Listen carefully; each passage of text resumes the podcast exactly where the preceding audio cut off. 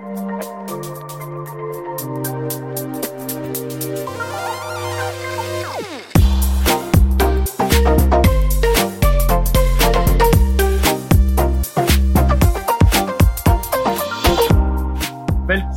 til eh, Thon hotell, takterrassen eh, og denne paneldebatten i regi av oss i McKinsey i Norge.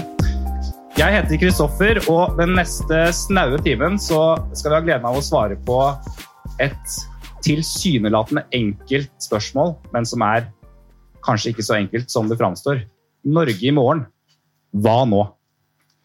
Og heldigvis så har jeg med et svært kunnskapsrikt panel, pent og kunnskapsrikt panel eh, her fra både næringsliv og politikk, som forhåpentligvis vil gjøre oss eh, litt eh, klokere på det. Men først, før eh, vi henter inn denne rekken av kvalifiserte mennesker, så vi brukte litt tid i fjor på å lage denne lettskrevne 200 siders eh, rapporten eh, om Norge i morgen. Den peker på ti næringer som vi tror at Norge har en mulighet til å vinne i og gjøre det bra i framover, og som kan forme vår framtid. Hvis vi får til disse, så har vi sagt at vi kan få 200 000 nye arbeidsplasser i landet vårt innen 2030. Men det krever jo noe. Eh, og Derfor så har vi tatt nå, eh, seks måneder etter at denne rapporten ble eh, lagt fram, en liten temperatursjekk. Vi har tenkt igjennom, basert på det som har skjedd hittil i år, i hvilke muligheter har våre sjanser til å lykkes bedret seg, men også i hvilke eh, muligheter har våre sjanser til å lykkes svekket seg.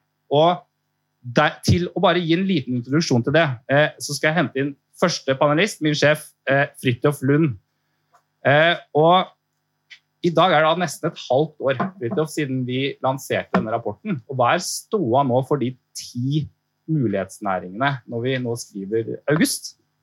Ja, vi har jo da tatt en uh, liten temperatursjekk som Kristoffer uh, sa, på, uh, på, hvor vi står på tvers av de ti. og da, Det er jo alltid en sånn eksersis som man kan diskutere hvorvidt vi ga det i tillegg som klassiske konsulenter grønt, gult og rødt lys.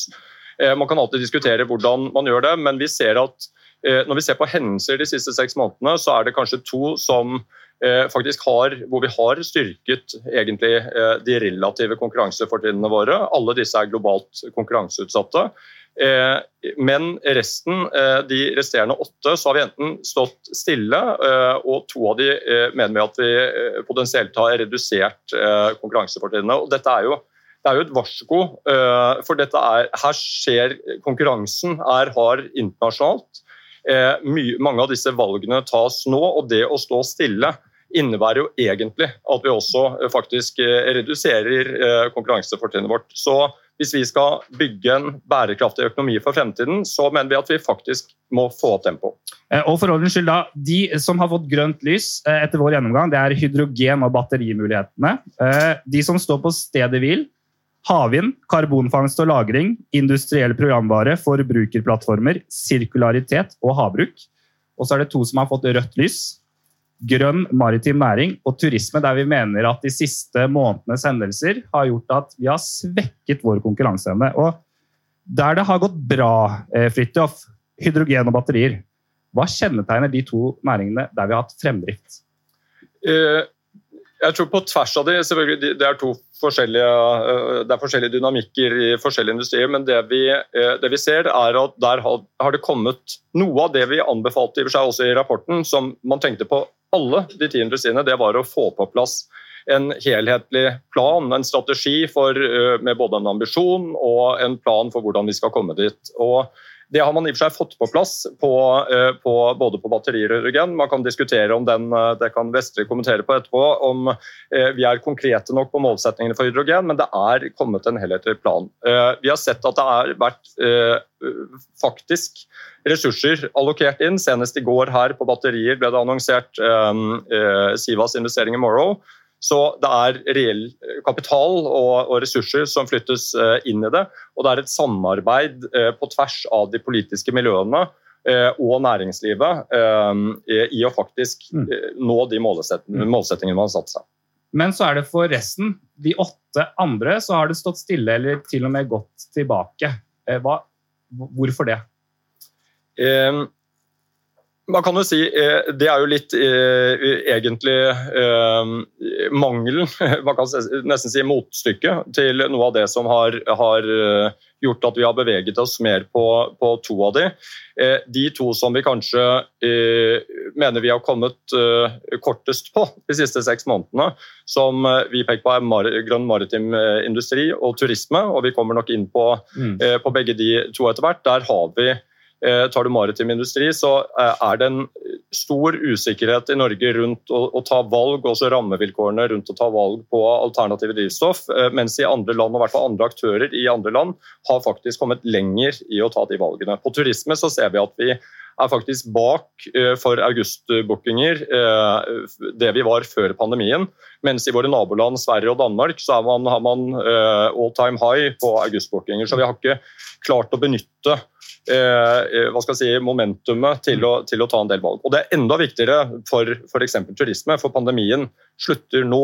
De valgene må tas i neste 6-12 månedene. Det er ikke noe som kommer om 12-24 måneder ut. Bra. Tusen takk, Fridtjof. Nå som vi vet litt hvordan ståa er der ute, så må vi hente inn panelet vårt. og Vi er blitt fulltallet nå, så det er supert. Eh, og det er en glede å introdusere Tine Austevoll Jensen, norgessjef i et amerikansk IT-selskap som heter Google. Hanna Jacobsen, som er direktør i det bærekraftsfokuserte oppkjøpsfondet Summa Equity. Øyvind Eriksen, konsernsjef i Aker. Petter Stordalen, hotelleier og eier i Strawberry. Og sist, men ikke minst, næringsminister Jan Christian Vestre fra Arbeiderpartiet. Velkommen! Og Jeg startet med deg, Jan Christian Vestre. Altså, tenker du på bare kraft og elektrisitet om dagen, eller er du enig at man må tenke på i alle fall ti ting samtidig. Ja, i hvert fall. Men vi tenker mye på kraft. Eh, fordi Poenget er jo at eh, den enorme omstillingen vi nå skal gjøre, og alt det bra McKinsey skriver om i denne rapporten, forutsetter jo at vi har nok grønne, deilige elektroner tilgjengelig for det grønne mm. skiftet. Og der er vi bakpå, altså. Det er det ikke noen tvil om. Så det når vi nå som mange mange, mangedobler ambisjonen på flytende havvind. Vi har to flytende havvindturbiner i dag. De skal få selskap på 1498 andre de neste 20 åra. Så er det sinnssykt viktig for å få det her til. Når vi nå jobber systematisk for å ta ned konsesjonsbehandlingstiden, så det ikke skal ta ti år å bygge en kraftledning mm. for å få til elektrifisering av industrien vår, så er det også veldig viktig. Vi kan oppgradere eksisterende vannkraftverk. Vi kan bygge ut sol, vi kan gjøre veldig mye annet. Så kraft er egentlig en forutsetning for at vi skal lykkes med det grønne skiftet og med disse næringene som det pekes på her. Mm, ok, men, men, i åtte av de ti så har vi enten stått stille eller gått tilbake. Hva, hva forteller det deg på de åtte månedene som har gått? I dette året? Ja, altså Vi har jo sovet litt i timen da, over veldig veldig mange år. Vi har hatt en eh, veldig lønnsom olje- og gassnæring, og det er vel og bra. Den skal vi ha en del år til. Men jeg tror ikke vi helt har tatt inn over oss at eh, vi skal gjennomføre en helt ekstremt stor omstilling. Og vi må ha to tanker i huet samtidig, fordi nå eksporterer vi så mye naturgass vi bare kan til Europa. Det er bra sikkerhetspolitisk. Europa er i en dyp energikrise, skal gjøre seg uavhengig av russisk gass. Men det er også klimapolitikk, fordi det bidrar til å fortrenge kull i Europa. Men poenget er jo at dette kommer til å ta slutt. Fordi hele verden skal over på fornybar energi. Og når vi da de siste årene har investert mange ganger mer i olje- og gassektoren enn i de grønne næringene vi skal bygge på skuldrene av olje og gass, så er det en utfordring. Så det har gått for sakte. Vi har prata fryktelig mye om dette, vi har gjort veldig lite. Nå stiller vi opp. Vi la fram veikart for grønt industriløft rett før sommeren. Vi sier størrelsesorden 60 milliarder i risikoavlastning, lån, garantier, egenkapital for å få opp tempo i dette. Og det er i størrelsesorden oljeskattepakka som vi nå vil pumpe inn der hvor det er hensiktsmessig for å mobilisere privat kapital, slik at vi får storstilt reis på batterifabrikken, hydrogenfabrikkene, havvind, CCS, alt dette nye. Google-tidene. Eh, eh, det er jo bl.a. i de digitale industriene at det ikke går fort nok framover. Hva er det som mangler for at innovasjonen skal skje? Jeg tenker at Vi må se på, på mulighetene vi har foran oss akkurat nå, altså litt mer på den kort mellomlang sikt. og Hva er det som skal til? Eh, som ligger der for oss, hvis vi virkelig vil, vil komme et steg og, og eh, kjøre forbi de der vi nå ser at vi, vi sakker litt av. Um, det som vi ser uh, I Google så er jo ja, Folk flest kjenner jo produkter som Google Søk og Google Maps og YouTube og sånt. Uh, men vi har jo også veldig mange tjenester og verktøy innenfor B2B hvor vi hjelper bedrifter med å lykkes med å ta ut de mulighetene internett tilbyr. Og det vi ser er at De bedriftene som vi samarbeider godt med, og som virkelig lykkes, de nøkkelen for dem, det er samarbeid med aktører rundt dem. Altså, de har som regel veldig bra teknologi selv. De har kjempebra teknologihoder. Og så har de teknologihoder som er smart nok til å skjønne at dersom det allerede finnes f.eks. verdens beste kunstig intelligens der ute, så skal de ikke finne opp hjulet på nytt igjen. Det De da gjør, er at de kommer for til oss eller andre aktører så spør de kan vi få se på legoklassene deres. Og så mikser og matcher de det med sin egen teknologi, og ut av det så kommer det fantastiske produkter og tjenester. Jeg har lyst til å bruke to eksempler, altså både forbruker og, og storindustri. Vi ser f.eks. Oda. Som Oda. Går, Oda. Mm. går noen år tilbake igjen. Hvem trodde, at, uh, hvem trodde at Oda skulle klare å utfordre dagligvarebransjen? Uh, det har de klart å gjøre. De har kommet med sin egen teknologi. De kom til oss, har gått litt rundt i godtebutikken. Så har de bygd sin teknologi på vår infrastruktur. Og så får de da et produkt som gjør at de faktisk kan skalere kjapt. Og nå når de da skal gå til Tyskland og Finland, så kan de faktisk skalere nærmest over natta. Eh, fordi at det med en digital infrastruktur når du opererer i ett marked til forskjell når du opererer i mange markeder, er veldig forskjellig. Et annet eksempel det er f.eks. Eh, skal jeg snakke enda høyere? Ja, det er så stort sånn. Ok.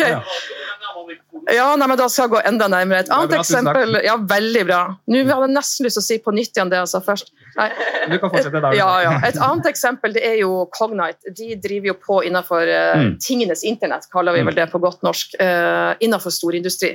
De plasserer ut sensorer på industrifelt, eller, uh, og tilgjengeliggjør for da den kunden som har fått plassert ut sensorene, dashboards med den dataen du trenger. sånn at du kan se Hvorfor er én fabrikk mer produktiv enn annen? Hva kan årsaken være? Er det, noe som har gått, det noe som har blitt ødelagt eller ikke?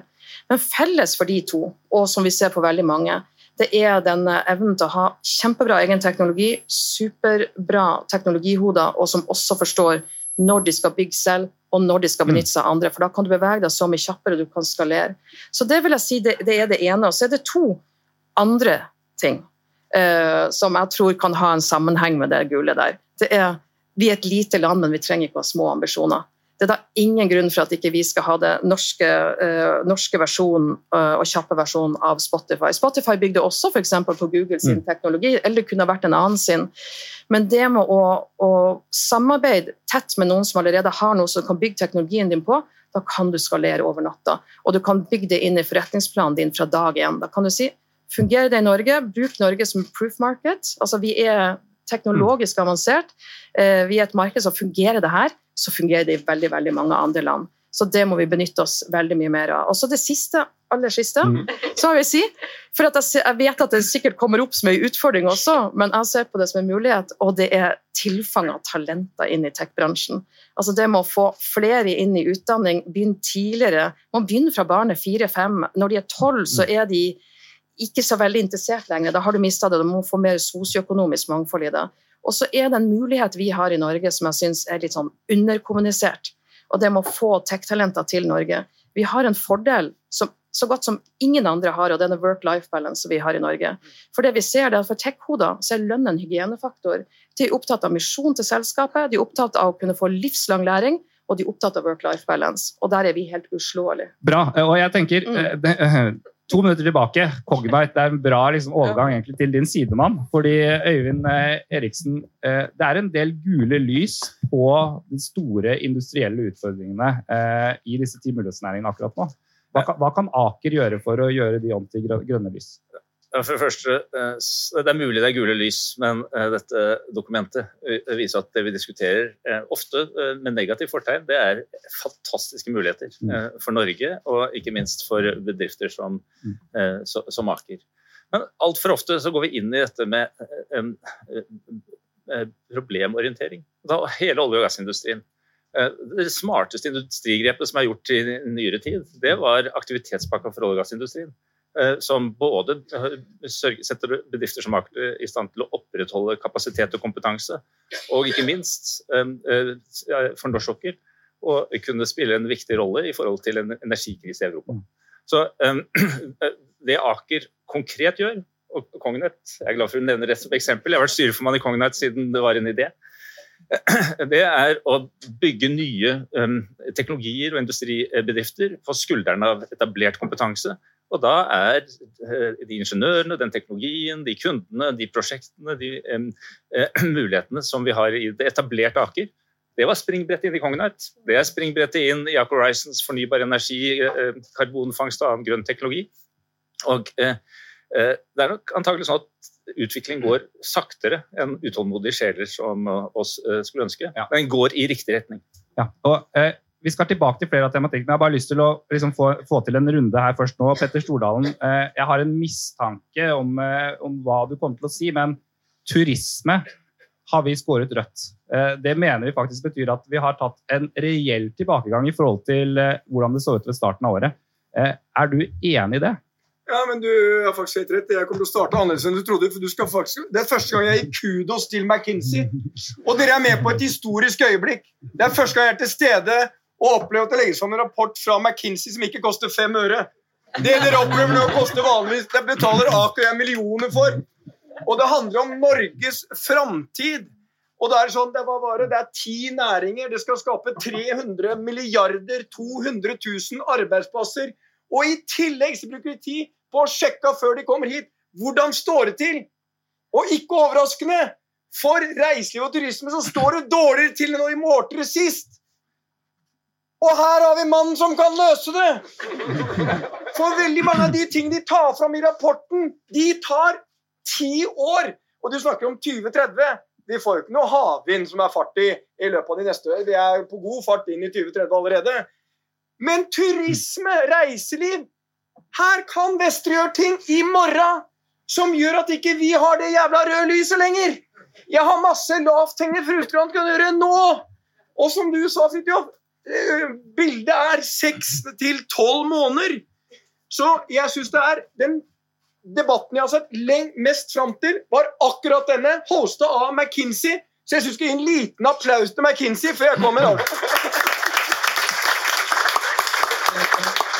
Vi har en mulighet til å ta ledertrøya innenfor det jeg holder på med, som er turisme og reiseliv. Men da, vi kan ikke stå alene. Vi er avhengig av rammebetingelser. Det gjelder alle sammen her. Vi er avhengig av langsiktige rammebetingelser. Og så er vi avhengig av at noen får ut fingeren og tar bort det som er høyest urimelig. Jeg skal gi dere ett bitte lite eksempel. Vi har noe som heter OTA. Dere har alle vært innom det. Booking.com, hotels.com. Har aldri lagt igjen én skattekrone til Norge. Har aldri lagt igjen én jævla ting. De tar ut 25% av alle inntekter på losji på hoteller i Norge. Hele jævla EU er nå enige om at dette skal vi forby. Tyskland, Italia, Frankrike Sverige har gjort det. Ett land venter fortsatt! Og det landet de skulle gjøre under Solberg-regjeringen, overlatt det, så sto det i Hurdalsplattformen og her står jeg og betaler milliarder til de der som sitter i Nevada-ørkenen og aldri har bidratt og investert en krone i Norge, og han kan løse det på et kvarter! Skal vi nå de målene McKinsey sier, så trenger det action! Du, eh, eh fantastisk. altså, Beklager, Hanna Kvitoff. Jeg må bare, liksom, bare spille den tilbake til deg. Eh, Jan Christian Wester. Altså, vi har mer enn et kvarter her nå på å få gjennomført er det noen bak her som kan ta en telefon? Nei, men altså, det er, det er eh, bra poeng, det. Og for guds skyld, eh, hvis vi kan gjøre det, så skal vi gjøre det. Så bare nyansere eh, litt, da, så, så går det ganske bra i norsk reiseliv. Eh, jeg har ofte møtt mange aktører. Jeg har vært på en del av hotellene dine også. og Både små og store reiselivsbedrifter i sommer har jo ikke problemet vært kunder, det har vært at de får ikke arbeidskraft. Mm. Fordi vi er for få, rett og slett. Og det er ganske mange som har blitt litt skremt etter pandemien når vi stengte grensene til å komme tilbake igjen. Så det er jo det store bildet. Mange har vært fullboka er det lenge. og Så får vi se nå i en urolig tid hvordan dette utvikler seg. og Vi jobber med reiselivsnæringen. Vi kommer til å legge fram nye tiltak men, også. Men, men i innledningen så sa du eh, for all del, hvis vi kan gjøre noe med det, så gjør vi det. Er, ja. er det men er det et løfte her og nå, på stående fot, til ja, Petter Stordalen? Ja, det er et løfte at jeg skal se på om vi kan gjøre noe med det. Ja, absolutt. jeg, må, spørre finansministeren nå, skjønner du. Ikke, jeg får ikke bestemme alt. Ja, men Det er jo ikke inntekter til han! Det er jo det som er utrolig. Det går rett til de der store internasjonale 500 pound gorillaene som aldri har bidratt med en krone, bare suger ut lønnsomheten. For jeg er, Vi har et stort selskap, vi kan forhandle med de. Men alle de andre har jo ett hotell, har ikke sjans. Du er gissel. Det er så idioti at de har ikke lov til å selge et rom billigere enn det de har på sine bookingkanaler, kalt paritetsklausuler. Helt fullstendig madness! Vi kan ikke bruke seks år på det mest enkle tiltak som fins for å hjelpe reiselivet. Hadde jeg vært minister, noe som er helt utenkelig, hadde tatt ti minutter. Vi får ta oss en prat etterpå, Petter, se hva vi kan få til sammen. Ok, men Det er løfte om en samtale, i alle fall. Ja, Eh, ja, ja, mer enn det. Mer enn en samtale. Men da kommer vi tilbake om et halvt år. Eh, Hanna Jacobsen, du er investeringsdirektør i Summa Equity. Dere har jo en del penger som dere har lyst til å bruke. Eh, Men likevel så har det gått litt treigere enn du kanskje hadde håpa i 2022. Det har vært andre ting som har tatt agendaen enn investeringer i sirkularitet. Ja, så Vi har jo eh, tre fond og 40 milliarder kroner som vi skal investere for å løse de globale utfordringene. Vi startet med dette tilbake i 2015 og har hele tiden brukt FNs bærekraftsmål eh, og egentlig de globale utfordringene som Øyvind var inne på, som fantastiske investeringsmuligheter. Men vi har jo også sett at eh, Jeg var veldig glad for tre-fire år siden når bærekraft Det ble kanskje et buzzword, men folk begynte i hvert fall å snakke om det. Og har du snakket lenge nok om det, så må du etter hvert også vise handling. Eh, Men det er jo heller ikke noe tvil om at når kriger, pandemier og andre mer urgent ting kommer, at man kanskje setter litt på pause. Man ser oljenæringen har fått en oppsving igjen. Men vi håper jo at nå som ting kanskje stabiliserer seg etter hvert, at vi ikke glemmer å holde gassen på det som er viktig for de langsiktige målene, som vi er helt avhengig av å stå sammen for å løse. Og, og hvorfor, Fridtjof, det, det lurer jeg faktisk litt på. Hvorfor er det viktig, og der vet jeg at vi har gjort litt forskning rundt det, å tenke på flere ting samtidig, selv når vi står inne i kraftkrise. Det er eh, høy inflasjon, høyeste rente på ti år, krig i Europa. eh, vi kommer ut av en pandemi. Hva er det tallene viser? Nei, vi, har, vi, har jo, vi er jo glad i å forske på ting i McKinsey. Eh, så, og vi har sett på hvilke Hva var det virksomheter som lykkes i tidligere kriser? Både i og for seg pandemien nylig, finanskrisen tilbake til dotcom, hvor det var nedgangstider. Og, og sett på det begrepet på engelsk eh, resilience, eller motstandskraft, motstandsdyktighet. Og det er jo evnen til å faktisk eh, både spille i si, angrep og forsvar samtidig. Eh, playing offense and defense. Og noen virksomheter, når det er en krise, egentlig flertallet av virksomheter, de tenker da nå må vi skalke lukene, nå må vi tenke kostnadseffektivitet, nå må vi eh, strupe investeringer, nå er vi nødt til å overleve. og det da øker jo sjansen for å overleve, men i beste fall så kommer du ut gjennomsnittlig eh, ut av det. Og så kan du velge å gå på en måte veldig offensivt ut. Eh, da øker risikoen. Eh, du kan lykkes og virke, ta av, men mageplask-sannsynligheten øker også for at det går ordentlig dårlig. Så det vi ser De som gjør det best, det er de som klarer å ha nettopp begge tankene i hodet samtidig. De klarer å tenke eh, selvfølgelig kostnadseffektivitet og ta en del av de grepene som man er motstandsdyktig, men de tar også velger noen områder hvor de virkelig satser. Hvor de øker forskning og utvikling, hvor de reallokerer ressurser og virkelig satser hardt. Så, eh, så vi ser at de, og de ser vi eh, vokser mer. Eh, topplinje, de har bedre lønnsomhet og de klarer seg mye bedre gjennom krisetider. Nå som Øyvind Eriksen, det er litt krisestemning. Er det mye diskusjon om kostnadskutt i de store bedriftene til Aker om dagen? Ja, I enkelte av bedriftene så er det det. Men ikke nødvendigvis fordi det er krise, men fordi vi alltid kan bli mer effektive. Ta f.eks. hele IT- og software-sektoren, som går gjennom en, en, en, en kraftig opprydding. Det gjør vi også i våre selskaper, hvor vi prøver å bli mer effektive. Men eh, krise er eh, for Norge og for bedrifter som Aker en mulighet. Og eh, Mange eksempler er nevnt, men som Vestre var inne på, Norges utgangspunkt innenfor energi og muligheter innenfor energi tror jeg de færreste tar ordentlig inn over seg. Altså, det er noe åpenbart med vannkraft og olje og gass, men den posisjonen som vi kan ta på havvind, er helt unik. Og Jeg applauderer regjeringens nye ambisjon, men det er altså ingen grunn til at den ambisjonen ikke her og nå også skal bli handling. For det er nå energikrisen i eh, Europa eh, må løses. Det er nå land i Europa har forhandlingsvilje og kan inngå langsiktige kontrakter som kan finansiere disse utbyggingene.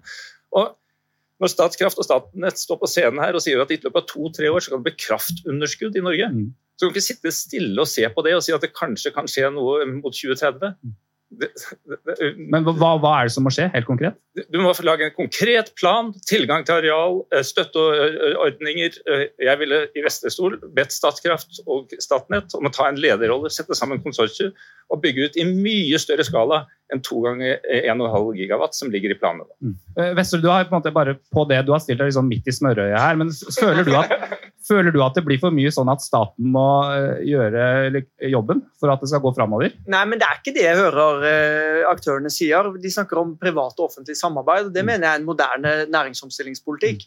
Og jeg er veldig glad for dette. At eh, McKinsey skulle legge fram en rapport som så til de grader er aktiv næringspolitikk og peker ut en retning, er jo i veldig veldig sterk kontrast til det som har vært rådende i mange år, med næringsnøytralitet. At Mm. vi skal bare liksom lene oss helt tilbake, og så får vi håpe at dette skjer av seg selv. Nå Ja, for det begrepet en- er borte nå. ja, nå har vi i hvert fall en diskusjon der vi klarer å ha to tanker i huet samtidig. Selvsagt skal vi ha gode rammebetingelser for bredden av næringslivet, sånn at alle gode ideer kan blomstre. Vi skal jo ikke sitte som politikere eller konsulenter eller noen andre og peke ut enkeltbedriftene, men vi må samtidig som vi har det, klare å si at det er noen næringer og områder der det så til de grader er store muligheter for Norge, ikke minst fordi vi vet at det er en stor global etterspørsel der ute, og der må vi sette inn. Og så gjør vi det som Øyvind sier, da, egentlig, egentlig alt sammen. og blir uh, Utlysningene starter nå rett over nyttår, får vi håpe. Første kvartal i hvert fall på havvind. Vi har klarert hvem som skal operere kablene. Vi har sagt hvor de første kablene skal bygges. Vi har klarert at det blir auksjonsmodell på Sørlige Nordsjø, kvalitativ tildeling på Utsira nord. Vi Mm. har ambisjonen om 30 eh, megawatt fram til 2040. Så, så nå er veldig mye på plass. Det er noen ting som gjenstår. Vi har til og med betalt for de geologiske undersøkelsene som eh, bedriftene pleier å ta regningen for, for å spare inn ett til to år. Så, så jeg, er helt, jeg, er helt, enig med deg. Men jeg kan jo også da lure på hvorfor ikke vi kom i gang med dette mye før. Vi har visst i 15-20 år at havvind til, til havs kunne bli en stor vekstnæring. Og hva er svaret på det spørsmålet, egentlig? Svaret på det spørsmålet er at vi gjør de tingene. Og at hvis vi klarer å gjøre det enda kjappere enn dette, så skal vi selvfølgelig gjerne gjøre det. For å si det sånn, Det er få ting om dagen som er mer presserende for oss enn å Mm. få kontroll på kraftsituasjonen. Men jeg tror et av svarene på det er at vi, eh, som nordmenn tenker vi for smått. Eh, diskusjonen nå dreier seg om kabel eller ikke kabel til Europa. Det er altså helt høl i huet. Eh, eh, Temaet burde vært hvor mye produksjon kan vi øke, hvor raskt. Eh, Sånn at det er åpenbart at Fastlands-Norge, husholdninger, bedrifter, får rikelig med rimelig kraft. Og så eh, sørge for at vi har overskuddskraft, sånn at vi også kan ta det ansvaret som Norge har for å hjelpe Europa ut av kraftkrisen. Jeg Siste skal være veldig, veldig kort på det. Altså, det, det du, du, er liksom, eh, du henger igjen i fjor høst, Øyvind. Fordi alt dette her har vi gjort. Nå har vi sagt at vi skal doble norsk kraftproduksjon de neste årene ved å gå fra 2 til 1500 flytende havvindturbiner. Vi har sagt at vi skal ha radialer til Norge. Det begynner vi med, og det er rett og slett fordi vi er reelt bekymret for et kraftunderskudd. Da må vi jo først og fremst sørge for egen forsyningssikkerhet før vi eksporterer mer. Jeg tror ikke det er veldig populært i Arendal om dagen med 5-6 kroner kilowatten å si at vi skal eksportere mer akkurat nå. Men så sier vi at når vi dobler norsk kraftproduksjon, så kan vi selvsagt ikke bruke alle disse elektronene selv. og Derfor så vil vi også bygge radialer til Europa, og vi vil bygge hybride kabler til Europa. Og Dette skal vi ta stilling til i hvert enkelt prosjekt, og det kommer en kjempeutlysning i 2025 som raskere tar oss til dette målet. Da vi kom inn, så var planene å være i gang langt ut på 2030-tallet. Nå har statsministeren garantert at vi skal være i produksjon før 2030. Klarer vi det før? Ingenting er bedre enn det. Ok, det blir lang kraftdebatt. Den, den lever. Men eh, eh, jeg har bare lyst til å gå fra de store måte, gigantene til de små, veldig små eh, og potensielt store eh, mulighetene. Startup. Eh, vi snakket litt i stad Tine, om at den teknologiseieren vi snakker veldig mye om i Norge fortsatt, det er finn.no, som ble bygget fra scratch på 90-tallet. Eh, hvorfor har vi ikke flere nyere eksempler som overtar for det eksempelet? Ehm, jeg skulle ønske jeg hadde svaret på akkurat det. Men, men når vi ser på, det er jo klart sant, som rapporten også skisserer her, altså for at vi skal kunne få flere norske tech-eventyr, så er vi helt avhengig av startup-scenen. Og, og også den skisserer viktigheten av at vi annet, et av de viktigste grepene vi gjør, er jo nødt til at vi må komme inn med mer investering i scale-up-fasen og senfase. Helt avgjørende. Sverige ligger langt foran oss. Selvfølgelig de kom i gang tidligere, men det er det som på et vis er brekkpunktet vårt når vi må løse det. Mm. Men samtidig når jeg leste rapporten, så, så kom også tankene mine tilbake igjen til, til finn.no-eksempelet. Og, og Cognite er jo på et vis et, eh, et eksempel på det også. Det er nå starten på noe som jeg tror var et norsk eventyr. Altså det, vi må, for jeg tenkte Vi må skille mellom det som er startup-modell og startup-kultur. Jeg tenker Vi har mange store, veletablerte selskaper i Norge med masse assets og kunnskap. Og det må få de også til å gå inn og være med og skalere, sånn som man gjorde med Finn. Eh, de gikk inn, de brukte sine assets, eh, de fikk gode teknologer på plass. De brukte en startup-modell, en kultur for at de skjerma selskapet. Og så gikk det fra finn.no til å bli en global suksess for Skipsted. Og det er jo det jeg tror man også nå er på vei å gjøre med, med Cognite. Og det med å få flere sånne på banen, det er vi helt avhengig av. Og i forhold til å få det fra et gult til et grønt lys, ja. så må vi ha mye, mye mer i gang der. Og, og det går egentlig eh, over til Hanna og Petter, dere sitter jo også på, på, investeringer. Eh, og eh, Hvorfor er det sånn at Sverige investerer fem ganger så mye enn Norge i startups? Hanna og så Petter. Akkurat hvorfor vet jeg ikke mer. Vi er, vi er et norsk-svensk fond, så vi jobber jo litt sånn hybrid. Mm. Men jeg vil bare ta opp litt det Trine sier. Viktigheten og det vi har kanskje undervurdert, at de store selskapene også kan drive med innovasjon. Det er vanskelig å være gründer i dag, men vi forsøker jo også Vi eier, ja, vi er jo også da hovedeier i Norsk Gjenvinning. Kommer fra et veldig eh, historisk industriselskap. Men de har også 2,5 eh, million tonn avfall som går gjennom Norsk Gjenvinning hvert år. Til å bruke den eh, feedstocken til å også utvikle ny teknologi i Norge som en startup innenfor eh, norsk gjenvinning, som da kan eksporteres ut. Man har gått fra å bruke det som KMT, en gammel kabelvirksomhet for hvordan du granulerer kabler. De har nå gått sammen med Novo Nordisk for hvordan å resirkulere epipenner. Du har det samme, du har metallkomponenten, og så har du plastikk rundt. Det er sånne eksempler som vi heller ikke skal undervurdere, og som vi prøver å, å, å, kunne finansiere, i tillegg til startups. Og vi ser jo nå, nå som vi har kommet til et punkt hvor jeg tror man er relativt enige om hvilke store globale utfordringer vi står overfor, og det er en liten sense of urgency at noe må gjøres, så er det jo utrolig kult å se også i Norge hvor mange gründerbedrifter som vokser opp, og som trenger kapital. Jeg tror vi har investert i Tibber, er et annet eksempel på selskaper som bidrar mm. til å eh, løse utfordringer. Og desto mer de vokser, desto bedre blir det både finansielt og også fra et eh, bærekraftsperspektiv. Petter, du har, du har, vært på andre siden av møtebordet for mange unge gründere som, som trenger penger. Men, men eh, er, hvorfor er det fortsatt sånn at vi ligger litt bak våre gode naboer i Sverige på investering i startups? Det er et veldig godt spørsmål. Uh, og Jeg skulle ønske jeg hadde et presist svar på det, bare når det gjelder Tibber. da Jeg var med fra helt selskapet starta, og satt her i fjor og solgte den posten til uh, Skogen Lund for 350 millioner. Trodde jeg var smart, og nå har den vært 700. Mm. Så, uh, men jeg gleder meg over hva hun fikk til med, videre med selskapet. Et, et godt eksempel på en startup. Men bare ja, det Øyvind sier her sånn Det han egentlig sier her, problemet er ikke at vi tenker for stort. Vi tenker for smått. Og det tror jeg er viktig, for der står en som gir oss eh, ambisjonsnivået. Hvor skal lista være?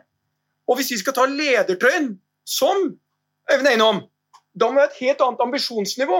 Sånn er det også på startups.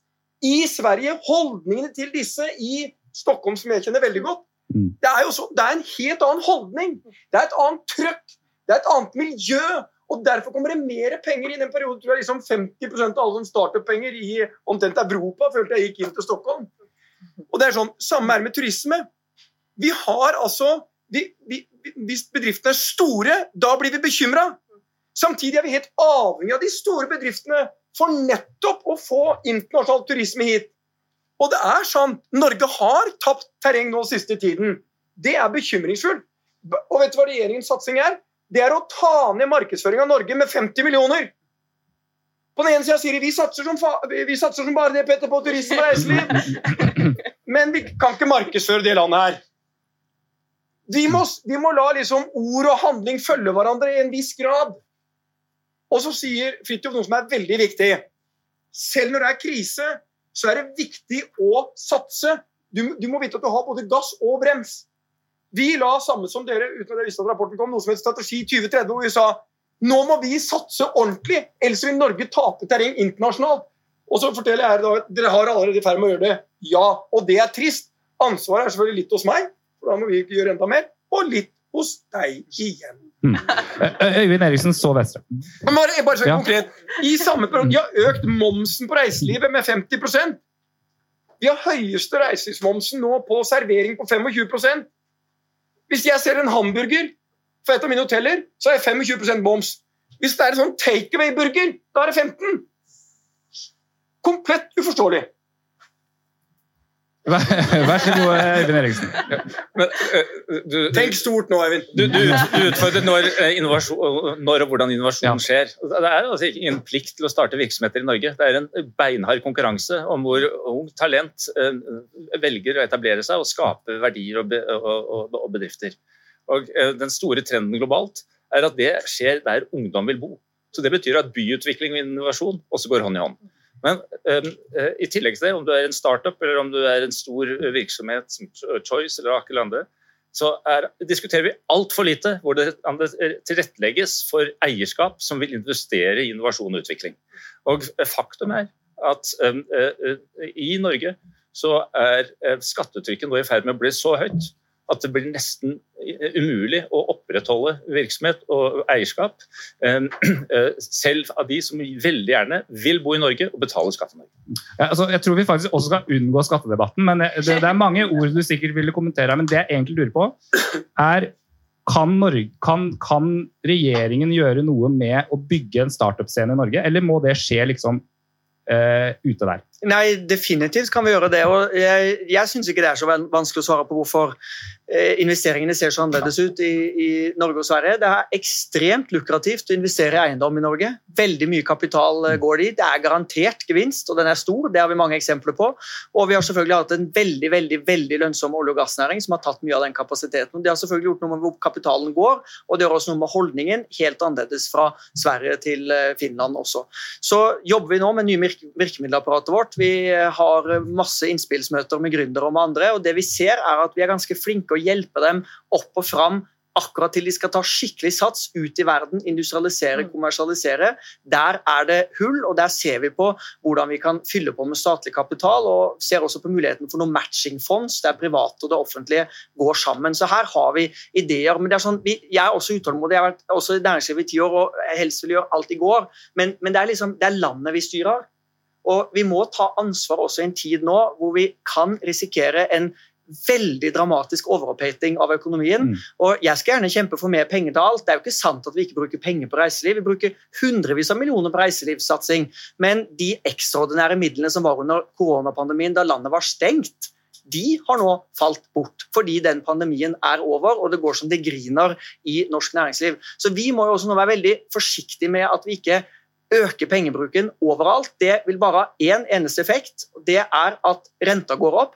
Da er det færre familier i Norge som har råd til å bo på dine hoteller. Petter, Og for alle eksportbedriftene våre så vil de få dårligere konkurransekraft fordi kronekursen stiger. Og I det bildet er det liksom vi da må finne de riktige svarene. Vi må jobbe sammen offentlig, privat, for å få det til. Jeg er helt enig i ambisjonsnivået. De som mener at vi nå ikke har ambisjoner på havvind, de tror jeg ikke har fått med seg det vi faktisk har lagt fram. I veikartet før eh, sommeren sa vi at vi skulle bli en ledende batterinasjon. Se hva som skjedde her i Arendal i går. Med noen hundre millioner i, i kapital fra staten, så bygges nå en batterifabrikk til flere titalls milliarder kroner. Det samme skjedde i Mo i Rana rett før sommeren. Der bidrar vi med fire milliarder i garantier. Vi er nå i ferd med å gå fra få måneder siden, der dette lå ganske stille, til å bli en stormakt på batterier. På hydrogen sier vi nå at vi skal bli en ledende nasjon i Europa.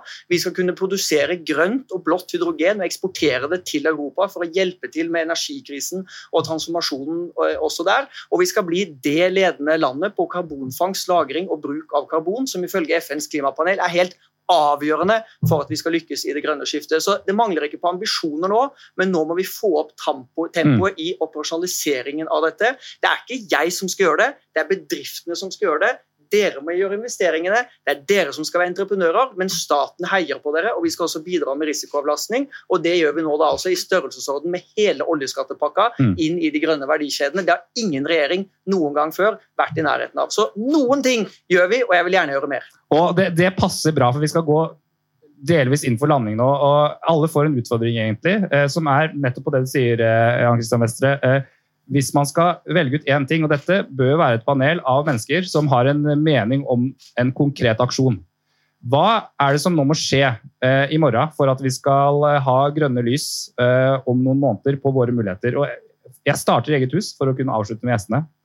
Hva er, hva er eh, ditt råd? Eh, Jeg syns Vestre nevnte en del av det. Jeg tror Mer av det som fungerer, det er det, er nevnt flere ganger her, det er tydelige strategier, ambisiøse målsettinger, faktisk ressursallokering inn i det, uh, som, som, man gjør på en veldig raskt tempo. Så vil jeg bare si én ting til. Ja. og det er jo, for jeg synes den Mulighetsorienteringen som Øyvind også nevner, den tror jeg er veldig viktig, eller som jeg tror vi alle har. Og det er jo, Når vi nå er i en krise, altså det er alltid litt farlig å bruke sportseksempler, men hvis man tenker Formel 1-kjøring. Altså det, det, er, veldig vanskelig å passere bilene hvis du skal passere konkurrentene når det er tørt og fint vær, men det er jo når det regner at du faktisk har muligheten til å kjøre forbi. Så det er jo når det faktisk er litt dårlig, når det er krise, når det er eh, ting rundt oss for mange slitt, det er jo da vi har faktisk muligheten til å virkelig gi gass. Bra, jeg veit at du hadde gleda deg veldig til den Formel 1-bildet. Tusen takk. Nå må du ta den, for du får ikke ordet en gang til etterpå. Eh, Hanna, hva er ditt råd? Jeg tror vi har vært inne på det flere. Det handler jo om å sette ekstremt klare krav. Gjerne også fra det offentlige. Vi har sett at 40% kvinneandel i ASA-styret har fungert. Dere er inne på AS. Men å ha et like klare og krevende mål for oss på klima, miljø og andre ting som vi vet eh, må ryddes opp i og, og, endres. Og for det at bedriftene da kan sette, eller også Norge for den saks skyld, kan sette veldig konkrete, målbare mål og legge planer ut fra det. Eh, og jeg tror mye måling av eksternaliteter er en veldig sånn kjernesak for meg. For vi forbruker i dag vanvittig mye ressurser og slipper ut CO2 og sånne ting som vi ikke betaler for, men som mm. egentlig har en kostnad. Og hvis jeg hadde funnet felles måletall på det, så tror jeg også det hadde synliggjort for alle aktører at man også hadde oppført seg litt annerledes. Takk, Anna. Eh, Tine, hva er ditt råd? Ja, eh, hører dere meg der ute nå? Ja. Jeg ser på det. Bra. Altså.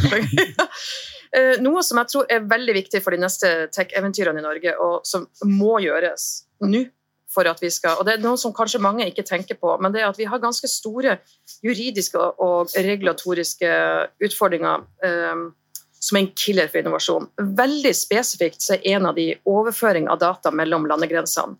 Det gjør at norske selskaper har vanskelig for å eksportere den digitale produktet og tjenesten som de har. Det gjør også at det er vanskelig å få investering i scale-up-fasen og senfase, fordi at i en due diligence når du skal eventuelt ha eh, internasjonale investorer eller, eller lokalt, så ser man på muligheten til å skalere. Eh, spesielt har vi nå overføringa av data mellom EU og USA. Nå har jo Biden og van der Leyen kommet til en intensjonsavtale, det er politisk vilje. Eh, de har sagt at det skal skje, men det er helt avgjørende at det faktisk skjer. Mm. Tusen takk, eh, Tine. Øyvind Eriksen, hva er ditt eh, råd? Ja, jeg eh, sniker meg til to. Det første er lag en aktiv og ambisiøs politikk for norsk eierskap. Faktum er at vi har altfor få eiermiljøer i Norge som driver innovasjon og industriutvikling.